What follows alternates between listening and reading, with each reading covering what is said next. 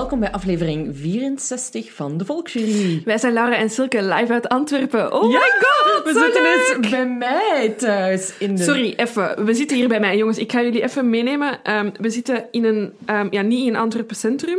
Ehm, we zitten in een tuin met wat Silke heel lang naar mij heeft beschreven als een tuinhuis. Sorry, dit is geen tuinhuis meer. Dit is een ruimte. Ik bedoel, naast ons kunnen er nog tien andere podcasts opnemen. Er is een mega groot raam. Uitzicht op de tuin. Super gezellig. Waarom hebben wij een studio in mijn huis? Ja, inderdaad. Gewoon, snelle vraag. maar is goed, dan kunnen we eens afwisselen. Dit is heel leuk. Dit is echt een heel mooie ruimte. Ik ben er heel jaloers op. Ook al veel veel eh, bloed, zweet en tranen. Loesje, klusjes, mannen en zo. ehm. maar bon, allemaal worth it, hè. Dus, eh, Totally worth it. Het is zalig. We hebben ehm shout-out naar de mama van Silke, die nieuwe eh champagnekoepjes heeft gekocht voor Silke. Ze zijn super mooi. Dank u. Dank u, mama. Heel mooi. Gaan we nu even van drinken, santé. Mm. Silke, hoe is het met u? Ehm, goed.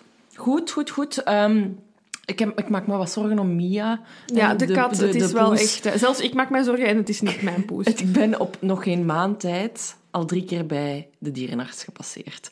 Eh, de, de eerste keer was gewoon omdat ze een absces had. Dat was allemaal te doen.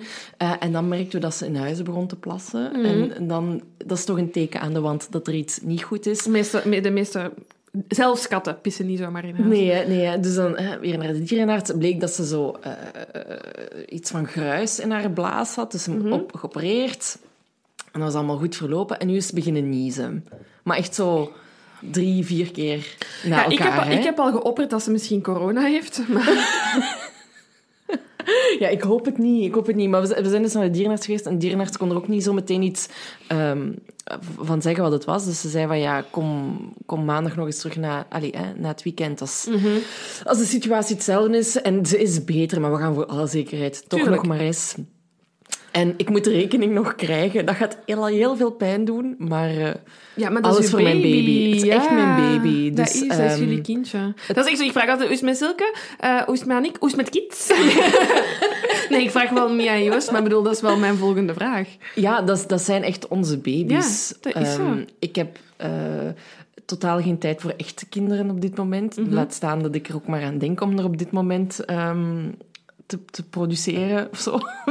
Eh, dus op dit moment zijn echt eh, de, de, de, de baby's, de, de poezen. En Mhm. ehm, ik ben ook... Ja, ik merk dat ook gewoon heel erg aan de manier...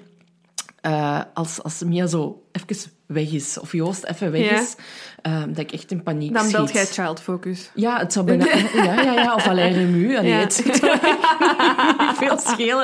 Of ik... Ik heb een vraag. Mijn kat is weg. Ehm, dat, dat, ik heb dat vorig jaar nog gehad, dat ik haar niet vond, niet vond. En ik was nog naar buiten gegaan om iets te halen. En ik Ja. dacht, "Oh, ze is mee naar buiten geglipt. Oh. Want toen mocht ze nog niet buiten. Ja, nu mag ze wel buiten, toen mocht ze niet buiten. En ik, heb, ik was echt in paniek. Ik heb al zo echt paniekaanval gehad, beginnen wenen. Lag ze ergens in een kast. Oh, maar katten zijn ook... Katten zijn wel stout hè, op dat vlak. Ah, zo je, een hond is altijd aanwezig. Die verstopt zich niet of zo. Nee. Als die weg is, is die weg. Maar een kat kan ook zo... Ik ga mij in deze kast leggen en je gaat mij niet vinden. Nee. En Mia is dan ook nog eens zwart. Ja. Dus ik had al in die kast gekeken, hè. Hoe is het met u? Goed. ehm, ah, ik heb, want je vroeg mij, heb je losse vlodders? Ja, ik heb eigenlijk wel echt een losse vlodder. Ehm, alle fanart gaat opnieuw moeten worden gemaakt. Ja. Ik heb... ik heb deze week bijna 25 centimeter van mijn haar geknipt, jongens. Sorry. ik heb zo'n kort haar op dit moment. Ehm, ja, dus jullie gaan opnieuw moeten beginnen. Maar het is wel echt mooi. dank u wel, dank u. Het was, eh, ik was het, het was echt wel zo'n beetje... eh, ik was alles echt beu. Ik was echt beu. Ja, dan gaat de schaar er vaak gewoon in, hè. Mijn kapper was heel blij. Die zijn altijd... echt? Ja, die kappers vinden dat superleuk om zo... Dus ik kwam toe en ja, normaal, normaal doe ik altijd Iets hetzelfde. edgy te doen. Ja, en dan... eh, Ik zei, ja, je gaat heel blij zijn. En hij was zo... Hm, wat? En ik zo, je mocht alles eraf knippen. En toen begon hij al te fantaseren. Was hij echt zo pixie cuts aan het tonen. Dus zo kort is het niet. Ehm, ik zei, nee, nee, nee, nee. Ik moet wel nog achter mijn oren kunnen steken Ja, ja. Maar het kan niet in een staart of niks. Dus... En hoe was dat de eerste keer dat je je haar waste? Hemels. Ja, maar ook niet heel raar? Nee, maar het ding is, ik heb wel al eens kort haar gehad. Hè. Ah. Ehm, dus het was voor mij niet zo'n grote aanpassing. Het was wel de eerste keer, ik heb heel veel mannelijke collega's dat ik op het werk toekwam en dat ze zeiden, hé, hey, uw haar is geknipt. Ja, het zal er maar aan mankeren dat ze het niet zijn. Dus ehm, ja, that happened. Ah ja. Dat was denk ik wel zo wat het groot... Ja, er gebeurt echt nog altijd niet zo heel veel, hè. Dit is ons leven, hè? Onze katten en ons haar. En ons maar ja, naar de kapper mogen gaan, dat was wel het nieuws Sorry, dat was, van ja, eh, dat was het- wel het moment. mega excited. Dat Ja. is mega excited. Ik heb ook echt meteen een, een, eh, een afspraak gemaakt, ja, hoor. Ja, ik ben ook naar de schoonheidsspecialist geweest. Ja, alles Maar echt, treat yourself, hè? Ja, wat, moet je doen? maar wij, wij, allee, en ik zitten een beetje op hetzelfde pad. Wij kopen dingen voor ons huis nu. Ja. Dat is, maar ik merk echt dat als ik mij zo wat... mm, Ik weet niet wat ik moet doen, of ik verveel mij... Ah, even een keer gaan googlen en zien wat ik kan kopen mooi, is er geen mooi wandlampje dat ik dringend nodig heb? Ja, ja, Ja, feel you. inderdaad, I feel inderdaad. Ja. Je had een podcast tip, hè? Ja, ik had een podcasttip. Mm, dat zijn de, ma- van de NBC, eh, hoe heet het? Deadline NBC eh, podcast. Ehm, die hebben ook al The Thing About Pam gemaakt. En nu hebben ze ook ehm, Mommy Doomsday gemaakt. En dat is ook met de heel fijne stem van Keith Morrison. Super. Ehm, en het gaat eigenlijk... Ja, ze onderzoeken eigenlijk de verdwijning van twee kinderen.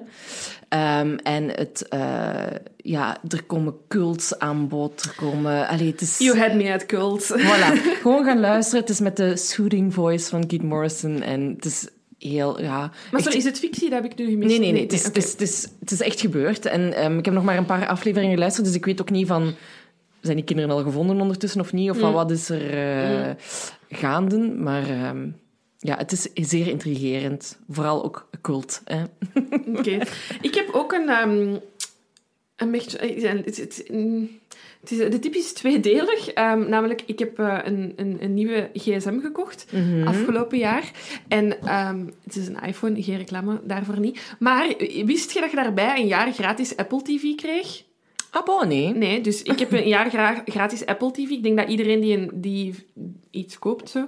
Ehm, en ik had dat nog niet geactiveerd en ik was dan afgelopen weken zo van, of, weet je, ik ga dat eens activeren, want ik heb nog niet streamingsabonnementen genoeg. Ehm, you never know. En ehm, voor mensen die het ook hebben, of die ook niet wisten dat ze een jaar gratis hebben of zo, ehm, de documentaire van Billie Eilish is op Apple TV, Apple Ah. TV gekomen. Het was een enorme aanrader. Ik, echt, ik, eh, Lucas hoort mij nu zo in de straat toekomen, terwijl ik zo blasting loud Billie Eilish muziek speel. Eh, Ik, was, ik vond het sowieso wel al fijne muziek, maar het is een heel interessante documentaire. Maar mijn eigenlijke tip is een programma dat ik nooit had aangeklikt. Never ever. Ehm, maar ik had er dan een, toffe, een tof artikel over gelezen. Het is Ted Lasso.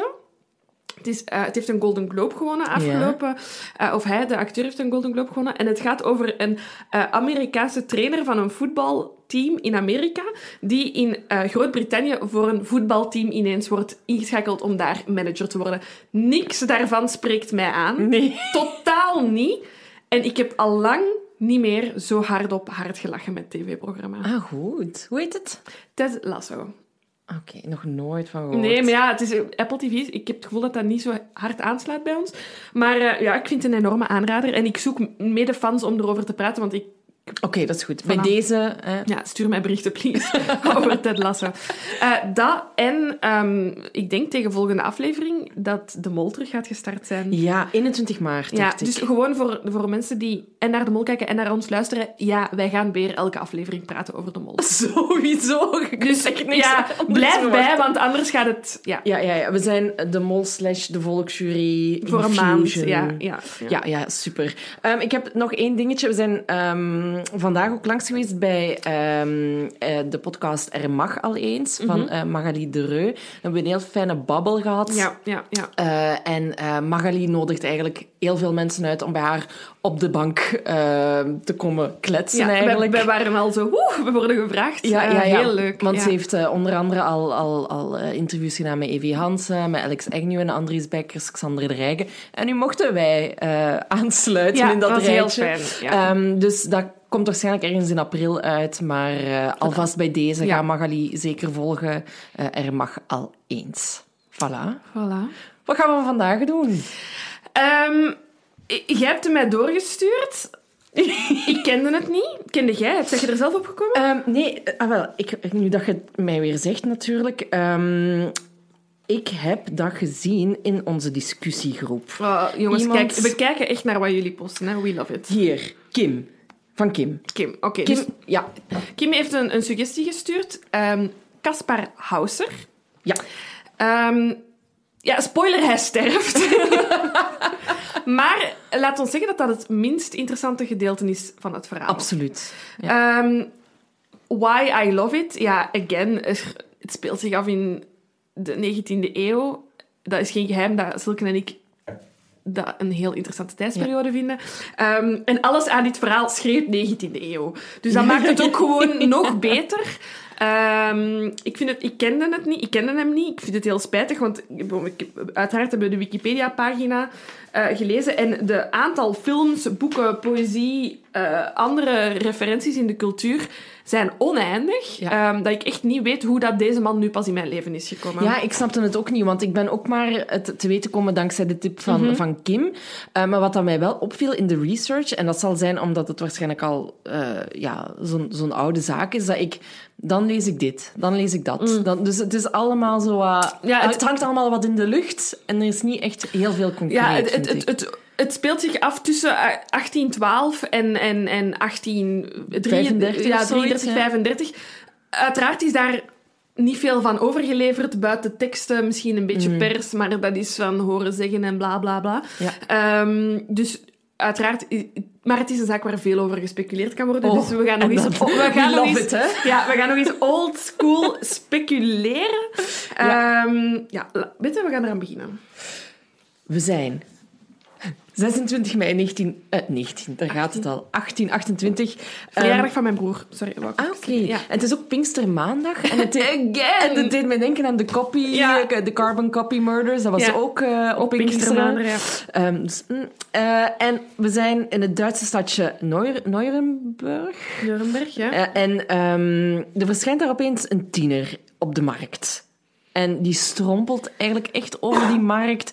Eh, hij lijkt wel dronken, hij mompelt wat zaken. Dus- Onverstaanbare... eh, ja, dus mensen zijn zo wat in de war. Wie is dat? Ja, is hij, dat? hij ziet er wel, dat is opvallend, hè, want je zou kunnen denken, ja, is dat inderdaad een dronken man die uit een of andere bar eh, uitgestrompeld is? Nee, maar is- hij is heel verzorgd, zijn haar is geknipt, hij is niet vuil. Nee. Ehm, maar het is duidelijk dat die persoon niet op zijn plaats Er is. klopt iets. Er klopt iets niet. Nee, ehm, en ehm, ja, mensen spreken hem aan, toch? hè? Toch, wat- wat- Mhm. Alles oké, Alles ja. oké.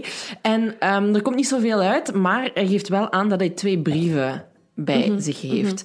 Ehm, en de eerste brief is eigenlijk ehm, gericht aan de kapitein van het vierde eskadron van het zesde cavalerieregiment. Dus dat zijn de mannen te paard. Zeer destijds. specifiek wel. heel specifiek, heel specifiek. Ehm, en wat dat er allereerst opvalt aan die brief, iedereen die al eens een brief heeft geschreven, die weet, bovenaan zit je zo eh, de locatie, de datum. Hè? Alleszins, dat leert je op school. Dat leert je op school ook te doen. En wat hier meteen opvalt is aan, is aan die brief, is dat, die, dat dat heel vaag blijft. hè. Er staat van de Beierse grens, slash de plaats is naamloos, slash 181920. En eh 1828, sorry. Ja. Dus dat is, ehm, dat is al vreemd. Vaag, dat is al zeer vaag. En de auteur van die brief, ehm, die schrijft dat hij de jongen als baby heeft gekregen op eh 7 oktober 1812. Gekregen als in niet zijn zoon, hè? gewoon echt Nee, ja, overhandigd. Van zijn moeder, Ja. inderdaad. Omdat hij ja, niet meer voor hem kon zorgen. En hij moest die jongen leren lezen, schrijven eh, en in het christelijke geloof eh, onder, onderwijzen. Ja. Maar, stond ook in die brief, die jongen mocht nooit naar buiten gaan. Ja. Ehm, en er stond ook in die brief dat de jongen een, ehm, eigenlijk dus, ja, een cavalerist wou worden, zoals zijn vader. Ehm, en als dat niet zou gebeuren, of als dat niet kon, dat ze hem dan maar moesten doden. Ja. Ehm, en dan ja, ze werd, wordt er dus gevraagd aan, aan de kapitein van eh, het zoveelste regime van neemt hij onder uw vleugels. Of, vermoord hem. Vermoord ja. hem. Ja, vreemd. Ja, heel vreemde brief. Er is gelukkig een tweede brief, maar die geeft niet echt heel veel extra info. Ehm, er is opnieuw heel, een heel vage beschrijving van waar de brief wordt gestuurd. En de brief zou zogezegd door de moeder eh, van de jongen eh, zijn opgesteld. Wat in die brief wordt vermeld eh, wat de naam is. Namelijk, hè, het kind dat je hier ziet is Casper Hauser. Ehm, zijn vader was een soldaat en die is helaas gesneuveld. Ehm, draag goed zorg voor hem. Uh, inderdaad, hè, leer hem lezen, schrijven, christelijk geloof. Een beetje wat dat in de andere brief ook staat. Hè, maar deze brief zou dan zogezegd ouder zijn. Um, en van zijn moeder afkomstig ja, zijn. en er zou ook in staan dat hij op 30 april 1812 is ja, geboren. Ja, er wordt een geboortedatum meegegeven. Maar dat zit, hè. En daar ja, kunnen de mensen natuurlijk ook niet veel doen. Dus ja, ieder normaal mens zou dan denken, we vragen het hem. Waar komt hij opeens vandaan? Maar er komt niks uit, hè. Nee. Um, het lijkt alsof... In eerste instantie lijkt het alsof hij een andere taal spreekt, omdat hij zo wat wauwelt en hij, mm. hij herkent het... Hè, Nuremberg ligt in Duitsland, dus ik, ik vermoed het oud-Duits of Duits al mm. um, niet machtig is. Dus ja, die inwoners van Nuremberg hebben zoiets van, ja... Ja, wat, wat What the fuck, man? Ja. Wat gaan we hiermee doen? Dus er is dan een schoenmaker en die zegt, kom maar mee. Ik, uh, die brengt hem dan uiteindelijk naar de kapitein van Wessing. Ja, die schoenmaker denkt, kijk... Er staat op die brief dat ik hem naar die man moet brengen, dus ik doe dat. Ik vind het echt al ongelooflijk dat ja. die man daar dan ook effectief is. Enfin, dus die wordt naar die man gebracht. En terwijl hij naar daar wordt gebracht en terwijl hij ook bij die kapitein is, herhaalt hij steeds twee dezelfde zinnen. De ene zin is: Ik ben een cavalerist zoals mijn vader was. En paard, paard. Sorry. Yes. Paard, paard, paard. Ja, of ik, ja, ik had gezegd, ik wil een ruiter worden. Of zoals mijn vader. Ja, ja zoals ja, mijn vader is. En, um, wat, wat, en wat hij ook nog kan zeggen is, ik weet het niet. Maar daar heeft niemand iets aan. Nee, inderdaad. Want wij weten het ook niet, Caspar. Wij weten het ook niet. Nee. Um, en wat dan ik dan heb gevonden, is dat ze dan eigenlijk doorgaan naar het politiekantoor. En wat blijkt... Allemaal logische keuzes wel. Ja. Inderdaad. Child Focus zou trots zijn. Mm -hmm. um, wat dan blijkt, is eigenlijk dat hij wel zijn naam kan schrijven. Hij weet hoe dat geld wel werkt. Mm -hmm. Hij kan een paar gebeden opzeggen en zo. Um, maar ja, ik kan niet meer zeggen over waar dat hij vandaan komt. Dus nee. hij blijft die twee zinnen herhalen. Um, het lijkt ook alsof hij, alsof hij het wel weet. Ik bedoel, hij, het, het, er zijn wel berichten waarvan ze zeggen... Ja, hij lijkt niet super onverstandig. Um, het lijkt, het is, we, zijn hier, we zitten hier niet met iemand met een beperking. Of iemand die, die, die, die zomaar op straat heeft geleefd. Want ja, er, ja. Hij, hij, weet wel dingen. Maar het lijkt alsof hij zich niet kan uitdrukken, wat dat dan ja, zou zijn. Hè, omdat hij ja, gewoon niet heeft leren spreken. Nee, nee, nee, nee klopt. Inderdaad. En ja, ze zeggen dan van ja, wat, wat, er bestonden toen geen instanties waar dat ze kinderen die gevonden werden een plaats konden geven. Nee, maar moest ik morgen een moest dit morgen gebeuren, ik zou ook niet weten naar waar ze die persoon zouden brengen. Dus het, het ding is dat ik in mijn ogen hebben ze wel het beste gedaan wat dat ze konden mm -hmm. doen. Namelijk, je hebt een soort van um, plek in het kasteel van Nuremberg voor landlopers, is dat, hè, voor mensen zonder een, een, mm -hmm. een dak. En daar wordt hij, uh, daar wordt hij naartoe gebracht. Um, en daar wordt hij ook ter observatie uh, in toog gehouden door verschillende dokters. Ik ja. wil hier direct al een... Um, een, een kleine uh, side, note. Een side note maken. Um, ik denk dat Caspar geen betere tijd had kunnen kiezen dan 1928. 1800. Om, uh, acht, sorry, 1828 om dit voor te hebben. Ja? We zitten pal in de romantiek. En het idee van, wat ze ook heel snel over hem zeggen, is dat hij een wolvenkind is. Hij is opgegroeid ja, ja, ja. in de natuur, in de wildernis. Dat is wat dat, dat romantisch wereldbeeld was. Hè. We moeten terug naar de natuur. We en er moeten... zijn voorbeelden van. Hè? Ja, er zijn voorbeelden van. We moeten terugkeren. Dus het feit dat hij direct ter observatie met dokters en filosofen, dat heeft het te danken aan de tijdsgeest. Mm -hmm. Of dat hij hem supergoed is uitgedraaid, dat is een andere zaak. Maar er waren heel veel mensen geïnteresseerd in hem. Ik denk 200 jaar eerder hadden ze hem gewoon terug buiten de stadsmuren ja, gedropt ja, ja, en gezegd van, dude, je hebt zoek geen... het maar uit. zoek het maar uit. Terwijl hij nu, dat is niet super positief, maar hij direct als een studieobject werd beschouwd van die romantische ja, wereldbeelden die zoiets hadden van, wauw, dit is alles wat dat wij wouden. Terugkeren naar de natuur en, en van nul starten. En, en, en, ja, dus, dus ja, voilà. Dat wou ik even zeggen. Nee, nee, nee, nee, maar je hebt gelijk. dus hij, hij, zit daar en, en hij wordt onderzocht. En wat, wat komen ze te weten? Dat hij ongeveer 16 jaar oud blijkt te zijn, maximaal 19 jaar. Mm -hmm. um, ja, en zoals jij al zei, hij was inderdaad heel goed verzorgd. Zijn huid was wel wat bleek. Maar zijn voetzolen, geen eelt, niks. Nee, zijn handen niks. zijn inderdaad ook onbeschonden. En, en, op de dag van vandaag kun je denken, ja, wat is daar zo raar aan? Um, maar ik bedoel, ja, we zijn nog altijd in de 19e eeuw. Uh, 90% van de wereldbevolking stond vol met eelt van ja, het, het, de handenarbeid dat je moest verrichten. Ja, hè. en de Eh, voeten ook, hè. bedoel, er bestond niet zoiets als een manipedi op eh, zaterdag namiddag en bodylotion kenden we niet. Dus het feit dat je een verzorgde huid had, eh, dat je geen eelt had, dat is, dat is gewoon een bijzonder kenmerk. Ja, maar wat dan wel weer opviel, was dat hij amper kon lopen. Mhm. Hij had geen fijne motoriek. ehm, en zijn spieren waren ook wel Heel verzwakt. zwak. Ja. Hè? Hij was ook heel verbaasd van hele kleine dingen. Hè. Er stond een kaars op een tafel, hij greep naar die vlam en hij verbrandde zich, uiteraard. Dat is wat er gebeurt als je met vuur speelt. Maar ehm, het was duidelijk dat hij dat niet door had, dat dat kon gebeuren. Ehm, hij was heel verwonderd, verwonderd heel de tijd eigenlijk. Het leek inderdaad wel ja, alsof hij dat allemaal nog nooit had gezien en alles voor de eerste keer eigenlijk meemaakte. Ja, wat dat ik ook had gelezen, ehm, is dat hij bijvoorbeeld als hij naar een schilderij keek, Ja. hij tegen die mensen sprak die daarop afgeschilderd Ja, waren. Dus ja. hij, hij kende de notie van wat een schilderij is niet. Nee. Ook opvallend, ehm, ze geven hem iets te eten en hij weigert dat in eerste instantie. Ehm, het enige wat dat hij aanneemt is water en brood. Mhm. Dus wat dat natuurlijk wel bijzonder is, dat je alle, allemaal andere dingen krijgt aangeboden en dan kiest Voor water. voor water en brood. Dat klinkt al direct heel Spartaans of zo. Ja, absoluut. Ehm, en wat dat ze ook merken is dat hij wel heel snel overprikkeld is. Hè? Ja. Maar eh, ja, hij kan ook zonlicht niet, niet verdragen en zo. Dus de dokters die denken dan van ja, kan eigenlijk bijna niet anders dat hij in een donkere ruimte Nee, heeft gezeten nee, zijn hele leven. Hè? In die brief wordt al aangegeven van hij, zal- hij mag nooit Ja. naar buiten gaan. Misschien zou dit verhaal wel eens kunnen kloppen, wat dat er in die brief staat. En dat hem daar geen, geen enkele opvoeding of menselijk contact heeft ja, gehad. Ja, ja, again, dit is echt de droom van elke persoon, elke wetenschapper, wetenschapper en, en filosoof in die tijd. Oh my god, iemand van wie dat we nog...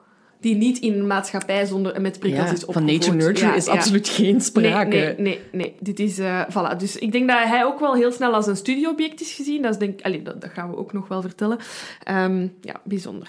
Ja, want wat dat dan de burgemeester dan doet, die ko- verkondigt in het heel groot aan van kijk wat wij hebben Kijk, aangetroffen ja, hier. voilà, dat is dus effectief wat er dan gebeurt. Hè. Er komt iets heel bijzonders, iets heel fragiel, waar dat je vandaag de dag ja, heel voorzichtig mee zou omgaan. Hier zou niet over worden gecommuniceerd. Die persoon zou... de- ik, dat hoop ik, ik weet niet of dat, dat zo zou zijn.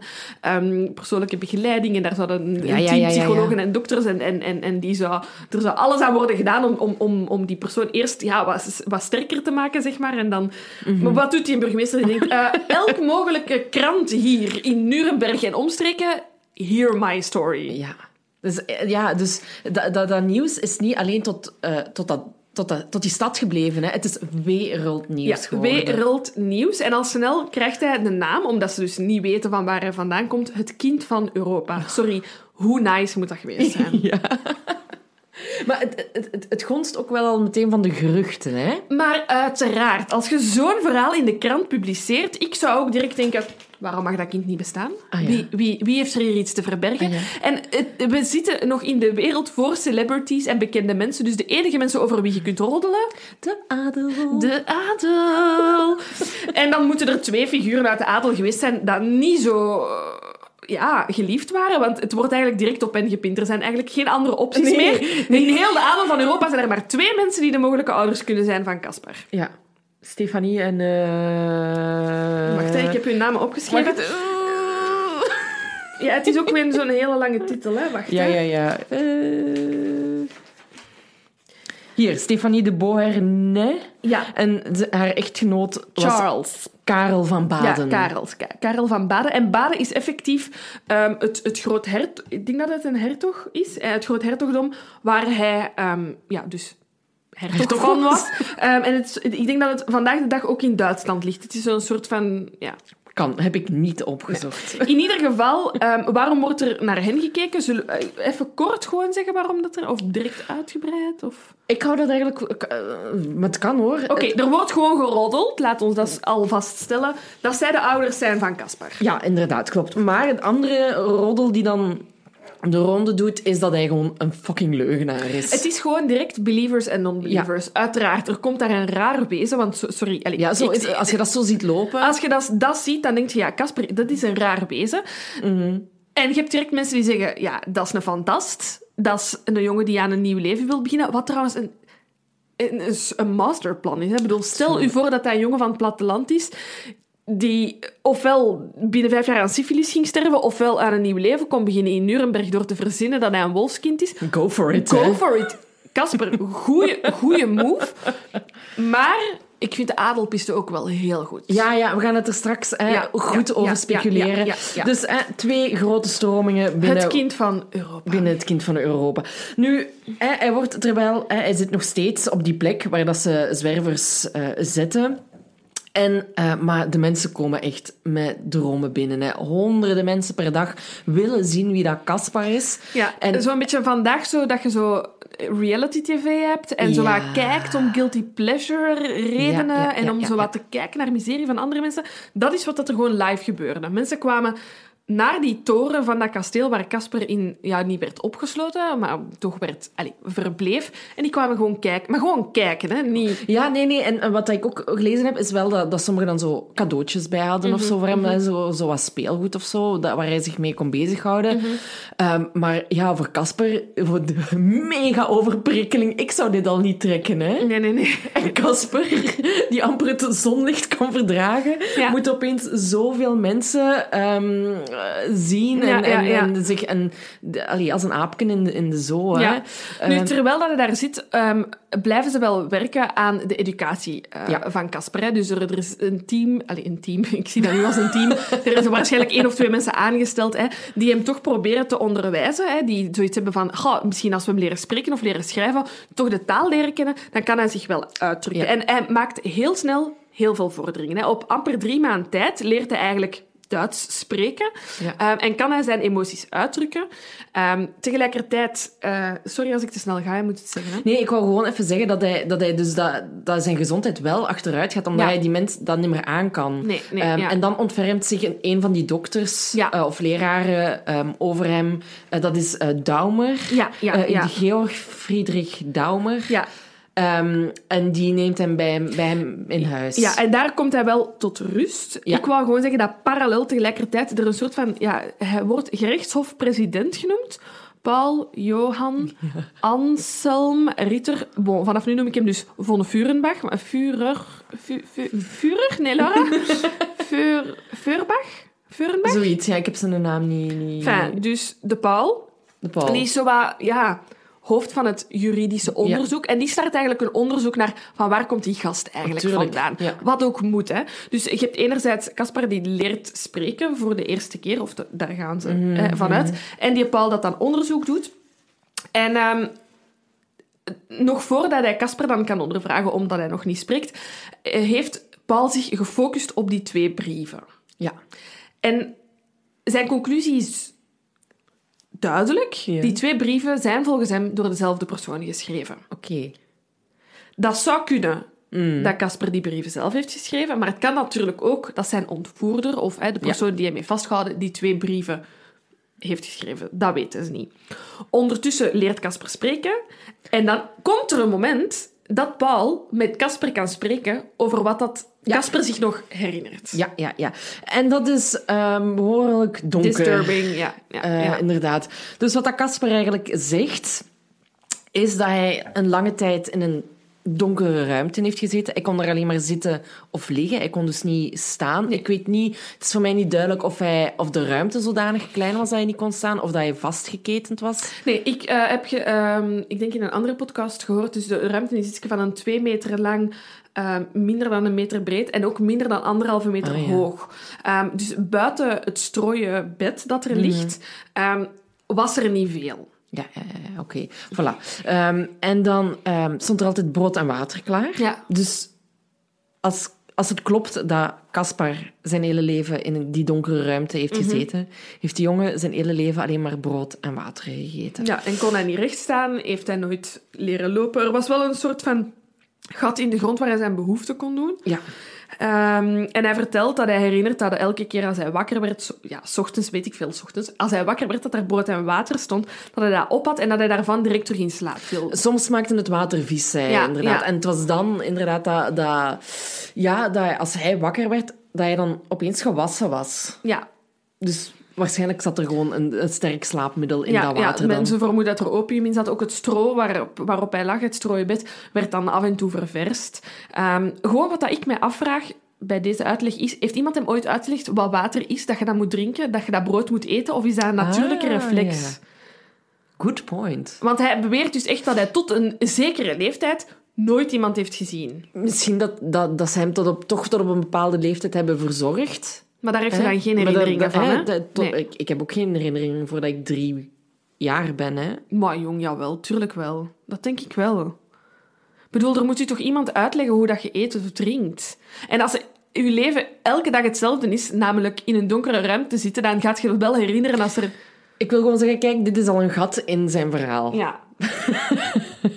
Anderzijds kan dat gat perfect gevormd zijn door psychologische stoornis dat je krijgt als je in een donkere ruimte Ja, zit voor 16 jaar lang. Want dat is eigenlijk de hele discussie dat we uiteindelijk gaan hebben. Is, is zijn verhaal gelogen, verzonnen of niet? Voor beide dingen zijn er evenveel Natuurlijk, ja, ja, ja, argumenten. ja. Ehm, er komt toch verandering in dat bestaan. Ja, wat dat ik nog wil zeggen is dat hij wel twee houten paardjes heeft ter entertainment in die donkere... Maar die heeft hij gekregen van iemand, hè? Die heeft hij inderdaad gekregen van Da- iemand. da- daarover wou ik spreken. Ga je gang. Nee, dus, dus zijn dag is elke dag... Kijk, we zitten op dezelfde We golflengte. zitten op dezelfde golflengte. Zijn dag is elke dag hetzelfde. Water, brood, slapen, wakker worden, opnieuw water... Ja. Dus we moeten nu er geen tekening bij maken, het is vrij duidelijk. En dan is er een periode waarvan hij zelf aangeeft dat het niet zo heel lang voor het, ehm, het zijn, zijn ja, Aankomst. aankomst in Nuremberg is, ehm, dat er een man zijn kamer of de ruimte binnenkomt. Hij heeft die man nooit gezien. Die man benadert hem altijd langs achteren. Die man heeft hem die twee paarden gegeven om mee te spelen. En die man leert hem lopen, op zijn benen staan, lopen. Ehm, door hem langs de achteren ja, op te heffen, zeg maar. Hè, en en, en die, die stappen te zetten. Dat vraag ik mij ook af. Dat kan dan toch niet in die ruimte geweest zijn. Maar dat zegt hij wel. Hij zegt dat hij die kamer nooit heeft verlaten. Enfin, raar. Dus hij leert stappen, recht staan, stappen. Eh, die twee zinnen worden hem aangeleerd. Het is ook niet dat hij goed kan stappen. Hè? Nee, nee, Dat is waar, dat is hè. waar. Ehm, die twee zinnen worden hem aangeleerd. Ehm, er, er wordt hem eh, aangeleerd om zijn naam te schrijven. Hè, door, door echt, hij zegt zelf van, ja, hij heeft mijn hand vastgepakt en, en zo heb ik leren eh, schrijven.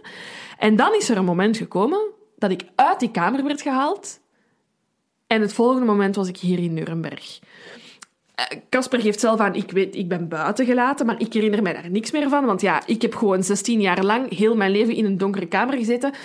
Mega overprikkeld. Mega hè. overprikkeld. Ik zie gras, ik heb dat nog nooit gezien. Ik, zie dus ik weet niet hoe lang er is de periode tussen mijn vrijlating, zeg maar, en, en hier mijn aankomst in En de afstand, Ja, hoe lang ze daarover gedaan hebben. dat kan idee. ik gewoon niet aangeven. Dat kan ik niet aangeven. Nu, hij geeft wel eh, ook aan dat hij nooit seksueel misbruikt is geweest. Ja. Heel raar. Nee, niet dat hij niet seksueel misbruikt, maar gewoon dat dat... Ja. Ja. Het is een raar verhaal, Het is hè? een heel raar verhaal. Het hangt in ha allee, met, met haken en ogen van in. Maar either way, als iemand 16 jaar lang in een donkere kamer zit, lijkt me dat ook niet raar dat je zo reageert. Maar als het niet waar is, is het ook niet raar. Het is gewoon... Je weet het niet. Ja, en ook van, van inderdaad van eh, dat eten met dat, met dat water en dat brood. Hoe zit dat nu? Want eh, als je ziet van hij, hij grijpt ook zomaar naar kaarsen, maar andere dingen weten dan precies weer wel. Want hij. Allee, hè, dus sommige dingen maken make sense en andere weer helemaal niet. Inderdaad. nu, hij wordt dan opgevangen bij, bij die... Daumer. Bij die Daumer. Eh, en, en die leert hem ook schaken, hij leert hem paardrijden. Eh, Casper blijkt echt mega getalenteerd te zijn. Wat een toeval zeg, want wou hij toch net geen cavalerist worden zoals zijn vader? Dat wou ik dus straks zeggen. Ik heb hier... ehm jij hebt me die podcast aangeraden, Ja. hè? Ehm, Supernatural. Supernatural heeft hier een aflevering over. En dus, dat is een, een Engelstalige podcast. En dus, hè, daar, zij beschrijft ook weer, Casper kan maar twee zinnen zeggen. Horse, horse. En I want to be a writer like my father. En ik had dus writer gehoord. en ik begon hierover op te zoeken. En ik was zo, maar wat heeft dat paard daar nu mee te maken? Waarom wil hij ineens... Die wil toch gewoon schrijver worden? paard, paard. Ik begrijp er niks van. En dan kwam ik tot het besef dat writer en rider iets anders is, maar dat ik het verkeerd had begrepen. Van, ik even zeggen. dat is oké. Dus voor mij is Casper heel lang een schrijver geweest. Dat is een- Oh, zoals zielig, die kan enkel zijn naam schrijven. Hij wil toch graag schrijver worden. Het had ook zomaar kunnen, hè? Ja, ja. Ondertussen is het wereldnieuws van het kind van Europa echt in elke uithoek van, van Europa Ja, ja, ja, ja. terechtgekomen. En uiteraard lokt hij belangstelling. Hè? En hij, heeft, hij zit lang bij Daumer, maar er komen eigenlijk van overal ter wereld, andere, eh, overal ter wereld, van eh, overal in Europa, andere mensen kijken naar Casper die ook belangstelling tonen voor hem. Ja. Eentje van, of, of wou je misschien eerst over 17 oktober 1829 Ja, er ook het eerst even. Ah. Als mensen ons vragen, bereiden jullie dat echt zo niet voor, wat dat jullie gaan zeggen tegen Nope. elkaar? Nope, here you hear it. Nope, nope, nope. Nee, want, want dat, dat zet de volgende dingen wel in gang.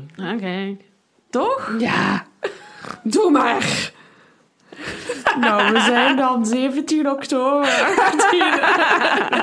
1829. Dus hij is, ongeveer, hij, is, hij is ongeveer een, een, een jaar en een half Ja, in, eh, in, in Nuremberg. klopt. Ehm, en, en ja, wat ze merken is dat zijn ontwikkeling uiteindelijk een beetje stopt. Hè? Dus hij, heeft, hij heeft leren lezen, schrijven. eh, Maar hoeveel kun je iemand nog leren? Ik bedoel, Ja, haalt je dat ooit nog in die leerachterstand? Ik denk het niet. Ehm, en ehm, in, in de zomer van 1829 maakte hij eigenlijk bekend... Jongens, ik ga mijn memoires opschrijven. Dus zover was hem dan wel al in zijn ontwikkeling. Ja, hij ging wel een boek dat schrijven. hem wel een writer kon, kon Zie je wel dat ik daar, dat mijn verwarring... Ja, ja, ja. ja. En daar, daar stonden de kranten ook vol van. Van de Kasperhauser gaat zijn memoires eh, neerpennen. Sorry, gaat dat dan 16 hoofdstukken lang over...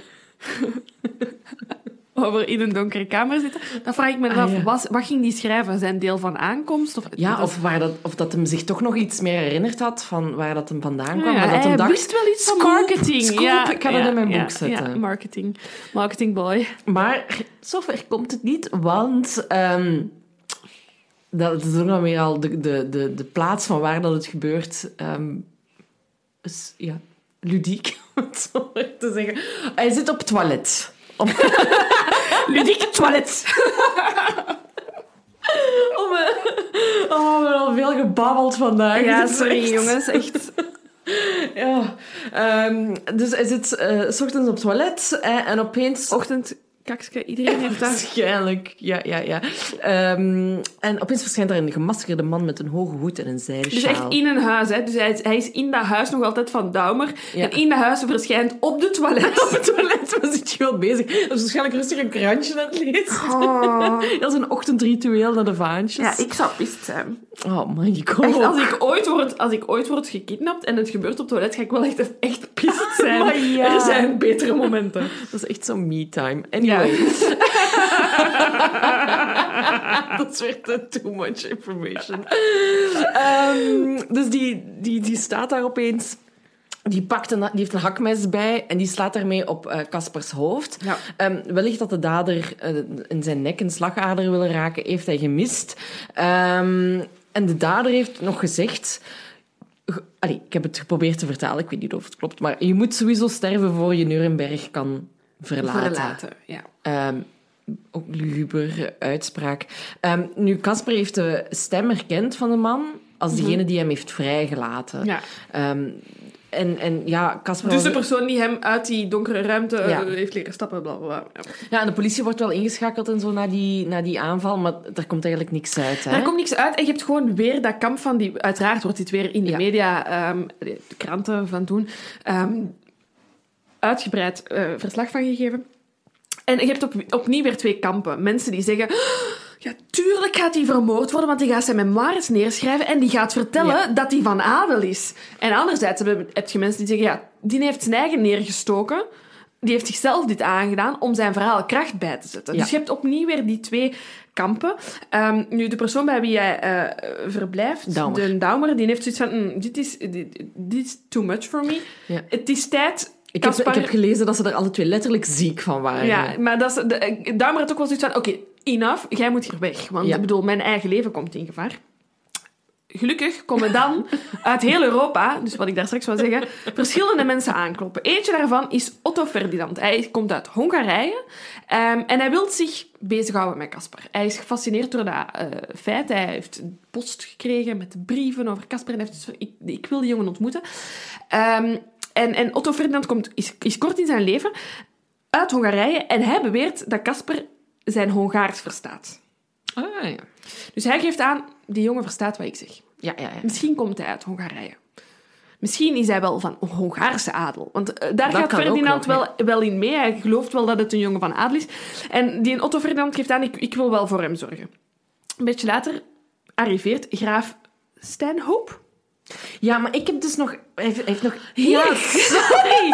Sorry, maar hij heeft dus nog bij andere mensen ook gewoond. Ah ja, maar dat is tegelijkertijd met Is dat die mensen. Ja, want nu gaat hij, die Stanhope en dan gaat hij naar Maier. Of bij wie, zet, bij wie slaapt nee, hij bij ik ben, u? ik ben, ik ben, eerst, ik, ben, ik ben eerst nog bij Bieberbach en Von Toeger. Oh, die, heb ik nooit, die ben ik nooit tegengekomen. Wie zijn dat? Maar dat is ook... Een van die twee, men, allee, een van die twee gezinnen is ook wel cruciaal, omdat er ook iets gebeurt. Die andere moordaanslag? Nee, Nee. toch? Oké. Sorry, jongens. Ik Let ga... me tell you. Ja. Dus, hè, We zijn dus nog altijd niet... we zijn terug bij Douwe.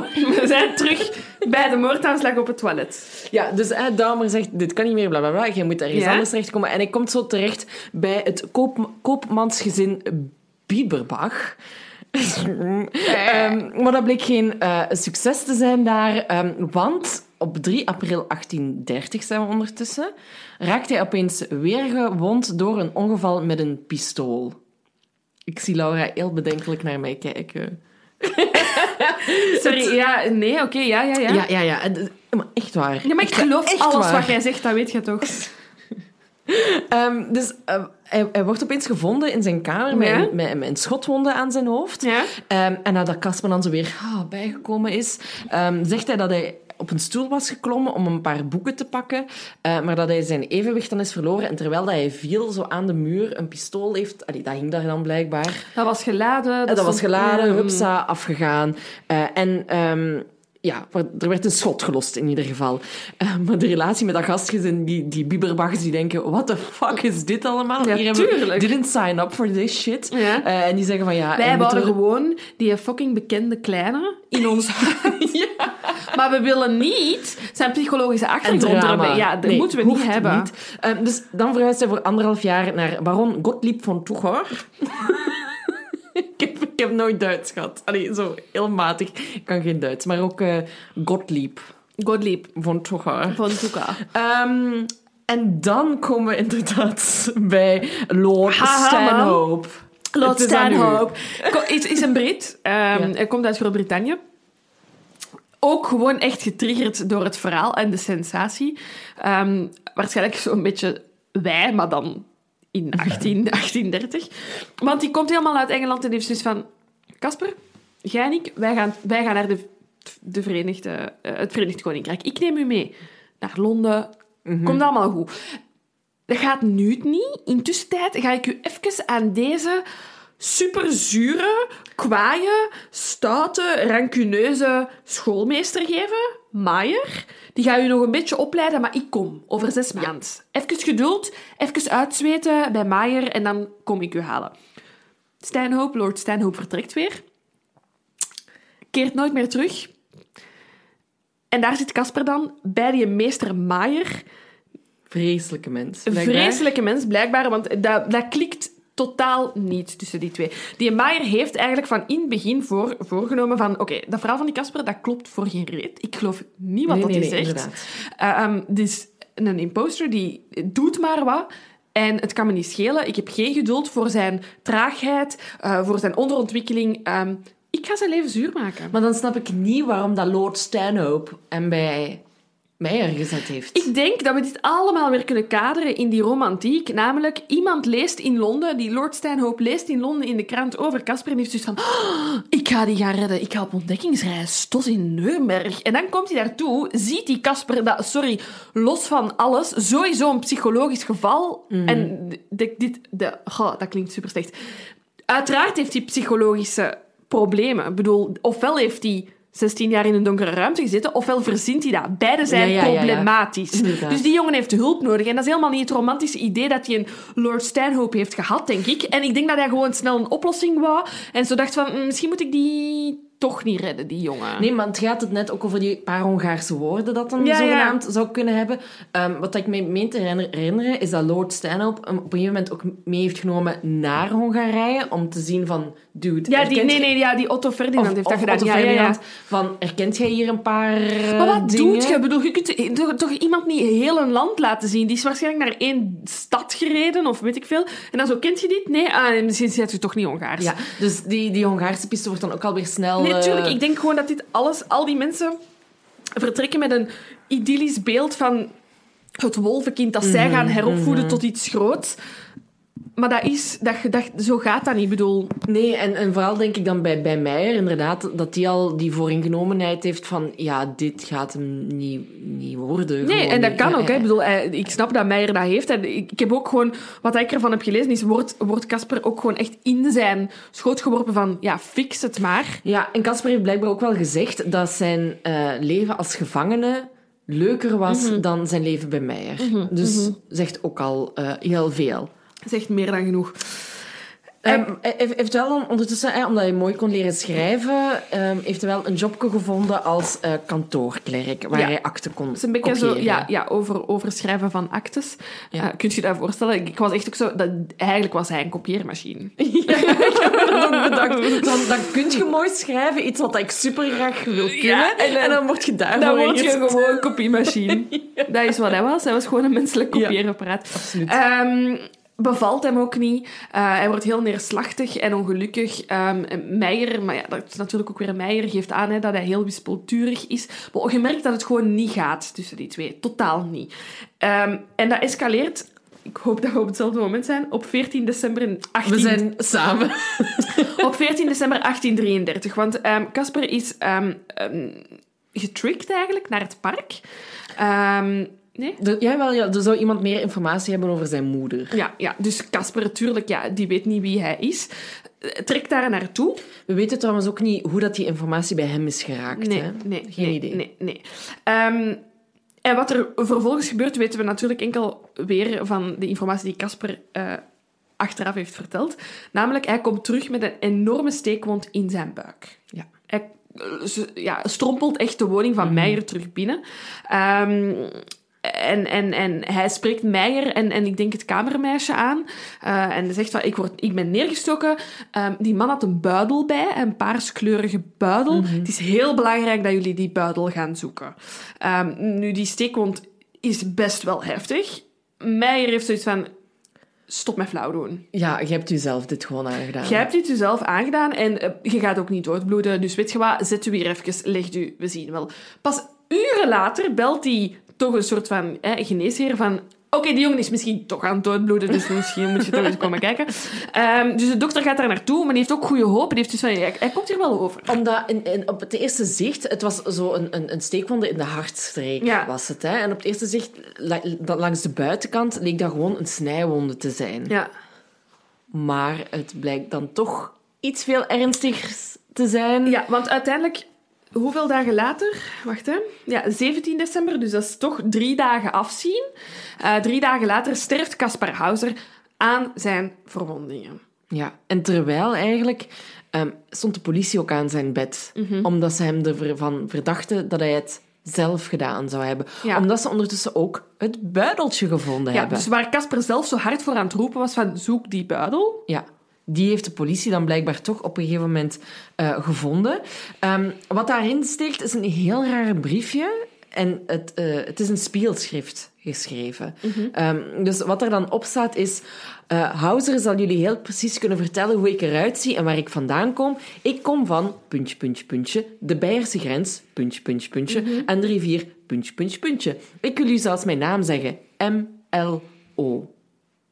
That's it. That's it. En wat heel bizar is aan dit briefje, is dat die, die persoon zijn initialen geeft, maar aan de andere kant dingen weglaten uit die brief. Hè? Al die puntje, Ja. puntje, puntje waren dingen die hij, die hij leeg Ja. heeft gelaten. Het doet heel erg denken aan de brieven die, hij, die Casper in op zak had. Want daar werd ook geen Die was ook heel vaag. Ja, die hè? was ook heel vaag.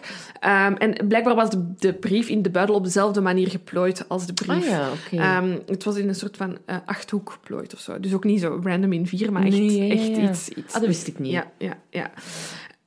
Dus ja, de, de, de, de, de, politie, ze, staan, ze hebben echt aan zijn sterfbed gestaan met het idee van, ja, gast, je hebt het gewoon allemaal zelf in scène gezet. Dit is een soort van uh, aandachtstunt die uit de hand is gelopen. Gelopen, ja, ja, ja.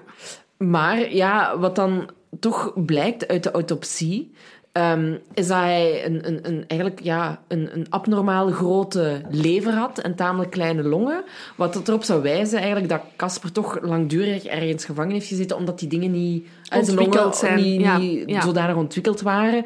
Um, ja, weinig mogelijkheden om te bewegen, geen, kunt je geen longcapaciteit uh, nee, ontwikkelen. Nee, nee, nee. En die steekwond bleek dus inderdaad zeer diep te zijn. En ook op verschillende manieren dodelijk te zijn. Ja. Um, uh, dus, oh, ik, heb, ik ben de naam vergeten te noteren van de bron, maar dat is ergens een, een boek Mhm. dat, uh, on, dat online gevonden kan worden, een Nederlandstalig boek. Um, en daar staat in zowel het hart, het middenrif, de lever als de maag. Ik heb het nog openstaan, wacht even. Ah, is goed.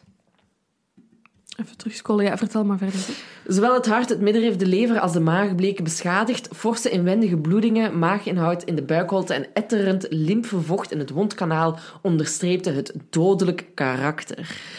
Casper Hauser, Het kind van Europa, geschreven door Paul Heldens. Oké, okay, voilà. Paul, we hebben uh, gebruik gemaakt van, van Paul Ja, zijn hij boek. heeft zelf ook aangegeven dat er zeker gebruik mag gemaakt worden van zijn boek, maar dat je hem goed moet... Uh, ah, voilà, bij daarom, deze. daarom dat ik hem heb uh, laten deze. opstaan. Dat is het ja. vergeten op te schrijven, ja. ja. Um, dus um, wat, wat dat ook bleek, is dat er meerdere dokters aanwezig waren bij de autopsie. Mhm. Mm -hmm. En sommigen geloofden met een hoge graad van waarschijnlijkheid dat de wonde was toegebracht door een vreemde, geoefende hand. Het was gewoon weer believers en non-believers. En ja, want aan de andere kant stonden er dan weer dokters die zeggen van ja, zelfmoord kunnen we echt niet uitsluiten. Dus de conclusie van het rapport is als volgt.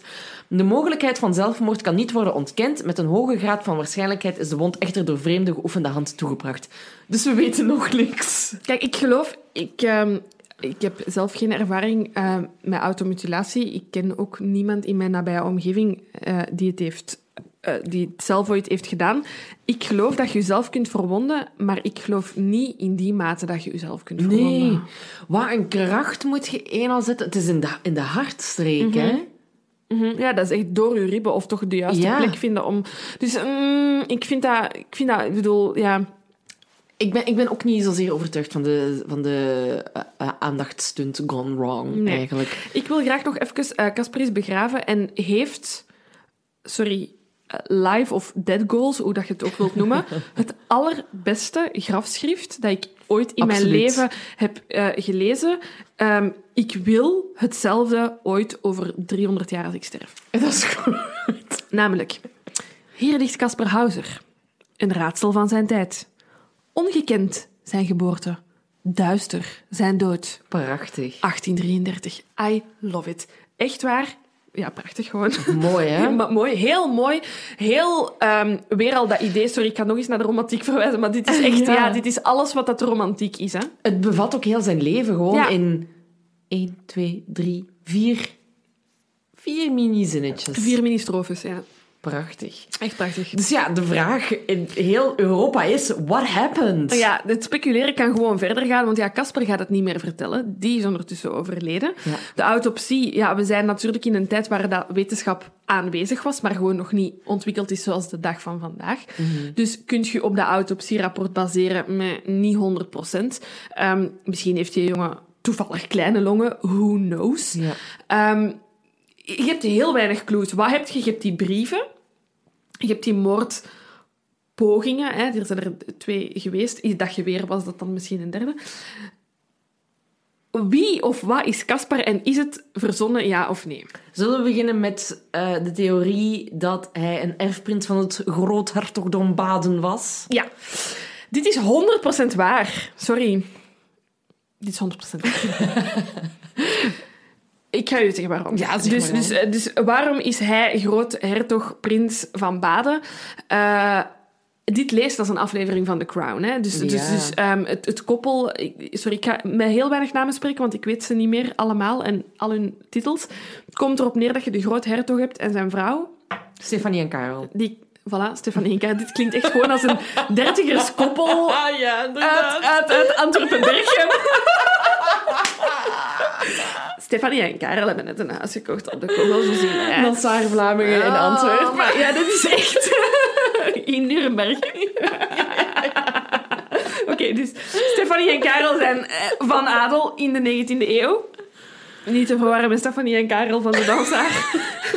Wijk. Ehm, die, eh, die krijgen een kind. Mhm. In het mogelijke geboortejaar Van dat- Casper. Het kind sterft. En wat zij daarna nog krijgen, zijn meisjes. Ja, en er is dus ook nog weer een bepaald gerucht Ja, daar ja, ontstaan. ja hè? want Karel en Stefanie krijgen meisjes. Dus die kunnen die titels niet erven. Nee.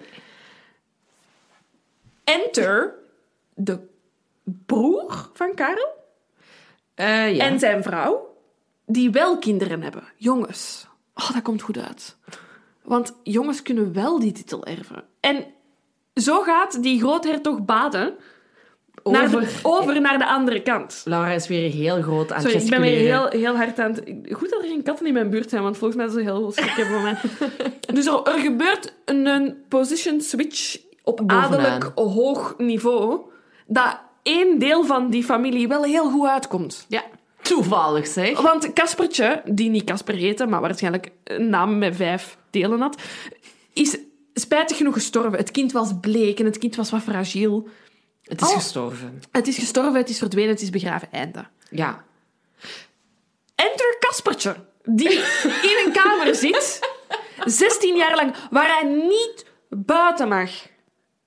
Maar Sorry, ik ben zo overtuigd van dit. Nee, ik wil dat deze het, ik wil ook dat, dat het uiteraard deze theorie is. Want het, het, zou dan zo zijn dat de, de, de, de vrouw van de broer van Karel dan de baby's... eh, Dus ehm, Caspertje zou verwisseld hebben met een baby... Die, wel ziek- gestorven is, ja. die al ziek was en dan gestorven is.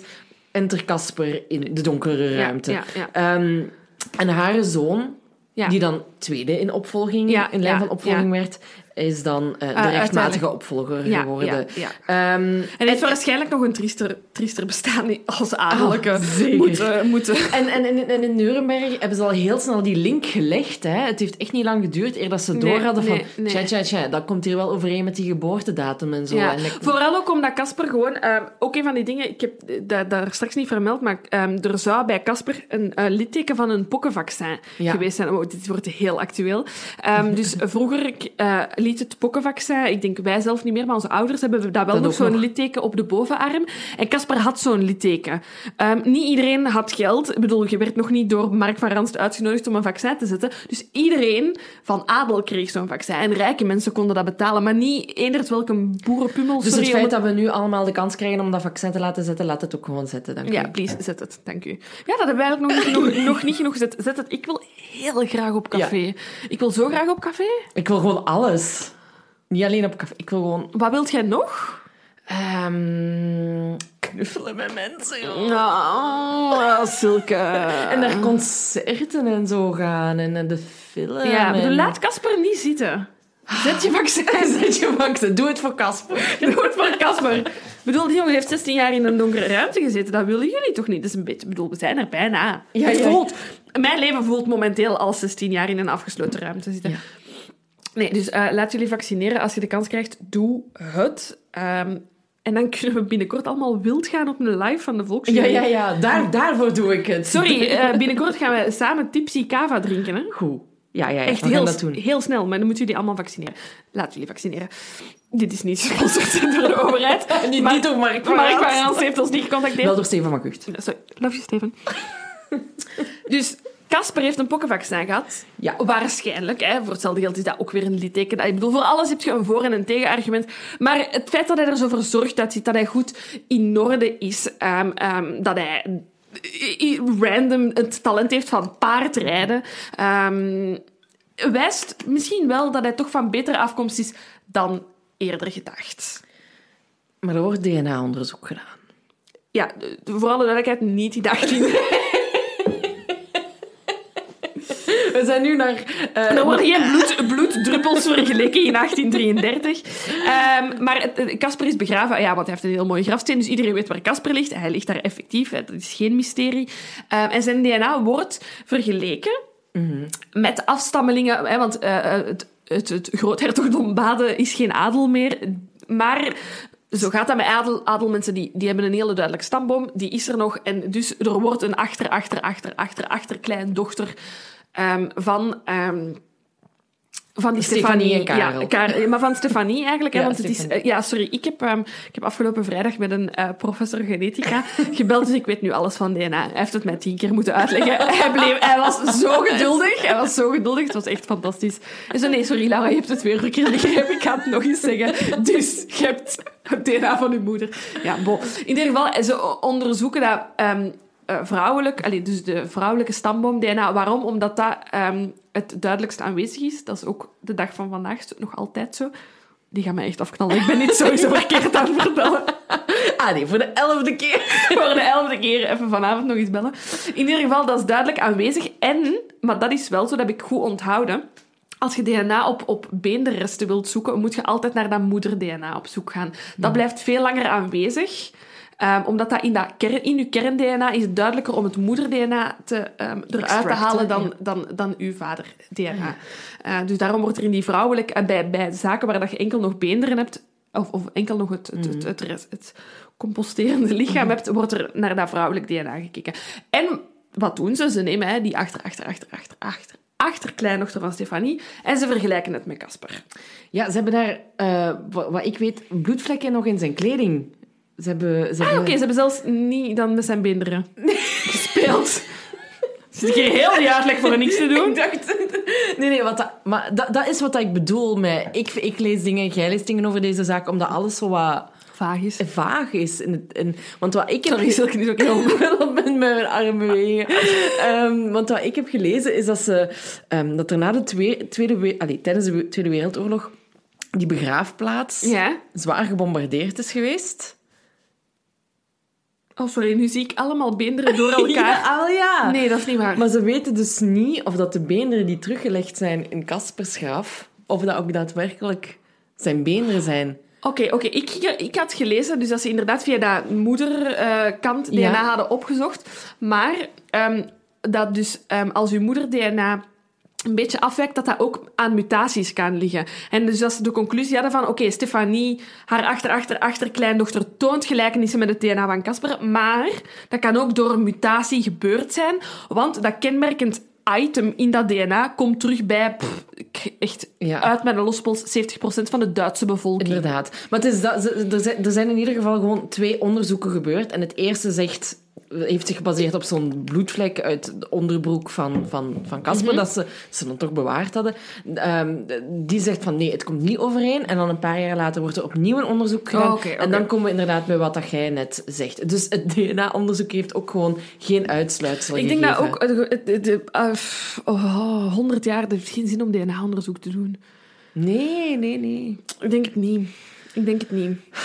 Het an- de andere optie is dus dat Casper alles verzonnen heeft. Zelf. Ja, inderdaad. Hè. Ehm, maar wat dat ik... Allee, dus of het hele verhaal is, is verzonnen, dat vind ik moeilijk daaraan. Of het is inderdaad...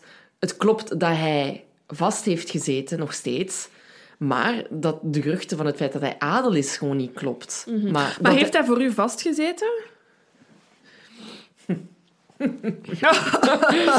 Ehm, goh, ik vind het echt heel moeilijk. Het ding is voor mij, het ding is, als hij niet heeft vastgezeten hè, Mhm. en hij verzint alles, dan moet hij weet hebben van. Dat moet hij juist weten hebben van hoe een adellijke wereld en een wereld van de burgerij eruit ziet. Mhm. Want ik kan me gewoon niet voorstellen, als je buiten de stad woont, dat je weet eh, eh, dat die paardrijder bij die regime Ja, ja. van... Dat lijkt mij gewoon... Dus je moet wel enige kennis hebben om die brieven dan te schrijven. Om echt van nul te beginnen, om die brieven te schrijven. En om te hopen, dat is echt ook een gok dat je dan waagt. Mhm, Want dat is eigenlijk wat dat je zegt. Hè. Hij heeft het verzonnen, dus hij heeft een gok gewaagd dat zijn leven er beter op gaat worden. Ja, dat denk ik niet. Zijn leven is er niet beter op geworden. Nee, nee, nee. nee, nee. Ik bedoel, je hebt wel beter dan opgesloten te zitten in een donkere ruimte, maar als hij gewoon een armzalig bestaan aan het leiden was in een boerderij hier ver vandaan, zeg maar, dan weet ik niet of dat zijn gok juist is geweest. Dus in dat opzicht denk ik dat hij wel heeft opgesloten gezeten. Maar ik denk wel dat hij zich meer herinnert dan dat hij zegt. Maar dat dat in zijn nadeel zou spelen. Ja, ja, ja. Ah, wel, ja, ik denk dat het dan inderdaad ook... Het is dat wat ik eh, wou zeggen van... van eh, het, het hoeft- hij hoeft niet per se van adellijke afkomst te zijn om 16 jaar opgesloten te hebben Nee. gezeten.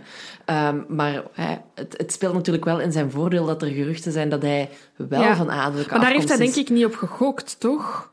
Ik denk Nee. dat hij wel heeft vastgezeten, maar volgens mij wel in een thuissituatie. Volgens mij is hij door zijn ouders opgesloten geweest. En misschien niet 16 jaar lang, dag in dag uit in een donkere kamer. Nee, Dat deel vind ik moeilijk te geloven voor iemand die ehm, wel op zijn eigen voeten kon staan. En hij kon al supergoed paardrijden, hè? Van niet kunnen lopen naar... Ja, en hij oh, kon zijn naam schrijven. En, en, en ik bedoel, op drie maanden tijd, want dat is toch wat dat er wordt gezegd, heeft hij een volledige taal geleerd. Ja, ik geloof niet dat je een volledige... Nee. Allee, met nog nooit het niet eens weten dat groen groen is. En, en, en, Ja. en, en het woord brood brood ah, ja. is. Ja, dat, dat, ik kan me niet voorstellen dat, we, dat ons...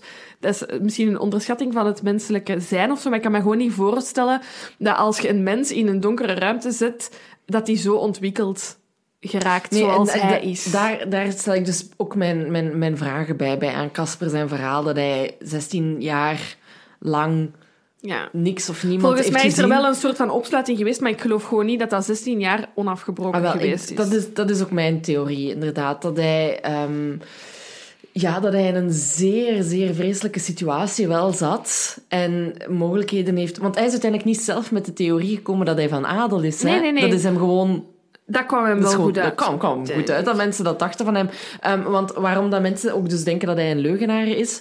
Ehm, hè, dus we hebben die drie... Hè, we hebben twee... De Mhm. moord, een moordaanslag en een ongeval met het pistool. En mensen denken dat hij dat gewoon in scène heeft gezet. Want telkens iemand ontdekte dat hij loog... Mhm. Volgde er dus blijkbaar zo die moordpoging of het ongeval om een soort van medelijden te wekken met zijn gastgezinnen of met de publieke opinie. Ja. Ehm, dus, maar ja, volgens de leugenaars zou dan ook de moord zijn eigen werk geweest Ja, zijn. dat geloof ik niet. Maar het kan dus ook nog steeds dat hij gewoon... Want dat vind ik dan ook weer te kort door de bocht. Want het kan nog steeds zijn dat iemand gedacht heeft van... één, hij is, weet ik veel, van adel. Of hij is inderdaad een leugenaar. Daar kunnen zoveel motieven voor zijn dat iemand zich bedenkt... Die jongen moet dood. Maar zelfs de mensen, zelfs als de ouders, hè, want er wordt ook gezegd, hè, er zijn later dagboeken van die Stefanie gevonden waarvan die zeiden, sorry, dat heeft die vrouw niet verzonnen, die heeft haar kind verloren, dat is gewoon zo. Ja. Ehm, maar zelfs als Stefanie en, en Karel heel goed weten dat Casper niet hun kind is, komt het hen wel beter uit dat hij sterft. Om die geruchten gewoon Ja, de kop in te drukken. Ehm, en en, en dus, dus kan die moordpoging van bovenaf zijn, van een adellijke familie? Tuurlijk. Dat, ik bedoel, die Mhm. geruchten moeten stoppen, hè. Ja, absoluut. Dat geloof ik wel. Ja. Ehm, dus ik denk niet dat Casper zichzelf... ehm, ik denk... Ik weet niet... Ik weet niet of hij 16 jaar heeft opgesloten gezeten. Ik denk wel dat hij voor zijn eigen geluk heeft gekozen. En dat hij wel in dat romantische idee misschien, maar opnieuw wou beginnen. Ja, dat kan. Dat kan. Er, er is ook nog één andere, ehm, andere theorie, is dat hij een ziekte had. De ehm epide- epidermolysis bullosa. Ehm, dat is een ziekte met heel veel verschillende symptomen. Eh, je zou daar een spraakgebrek door hebben. Ehm, je, je zou daar heel snel blaren van krijgen op je, op je lichaam. En dat was ook wel het geval bij, bij Casper. Mensen dat iemand hem aanraakte of zo, had hij last van zijn, van zijn huid. Ehm, het kon ook zorgen voor een verschillende, allee, voor een afwijking aan de hersenen en de spieren. En dat zou vooral afkomstig zijn allee, allee, bij mensen die, die in Tirol woonden, zouden heel veel daar last van hebben Omwille van? Genetici. ge- Genetica. Zoiets. En, het, en, en er wordt dan gesuggereerd dat de vader van Casper een soldaat was die in Tirol zat. Ja. Ehm, en dan dat zijn moeder een of andere dienstmeid was die zich heeft willen ontdoen van eh Caspar. Ja. En dan alsnog Casper eh, heeft afge- afgestaan aan iemand of, of wat dan ook. Ik denk dat, één ding, dat we van één ding zeker kunnen zijn. Casper was zeker een ongewenst kind. Dat denk, ik ook, wel. Ja. Behalve als het van Stefanie en, Ja.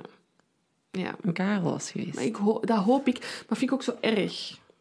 Voor hetzelfde geld was hij groothertog dan van Baden geweest. Het, het, wat wel voor mij vaststaat, is wat het ook mogen zijn. het was wel een schreeuw om hulp. Ja, absoluut. En ik kom, het, het, het, dit verhaal leest nu heel spectaculair, maar ik hoop van harte dat als vandaag zoiets eh, gebeurt, dat er op een andere manier mee wordt omgegaan. Ja, Eh, ja. Het is heel duidelijk dat Casper hulp nodig had, psychologisch, in hoeverre dat, dat op die manier al ehm, beschikbaar was of zo. Ehm, maar het is inderdaad bovenal een schreeuw om hulp. Hè. Ja, absoluut. absoluut. Ik heb nog een, eh, een, een...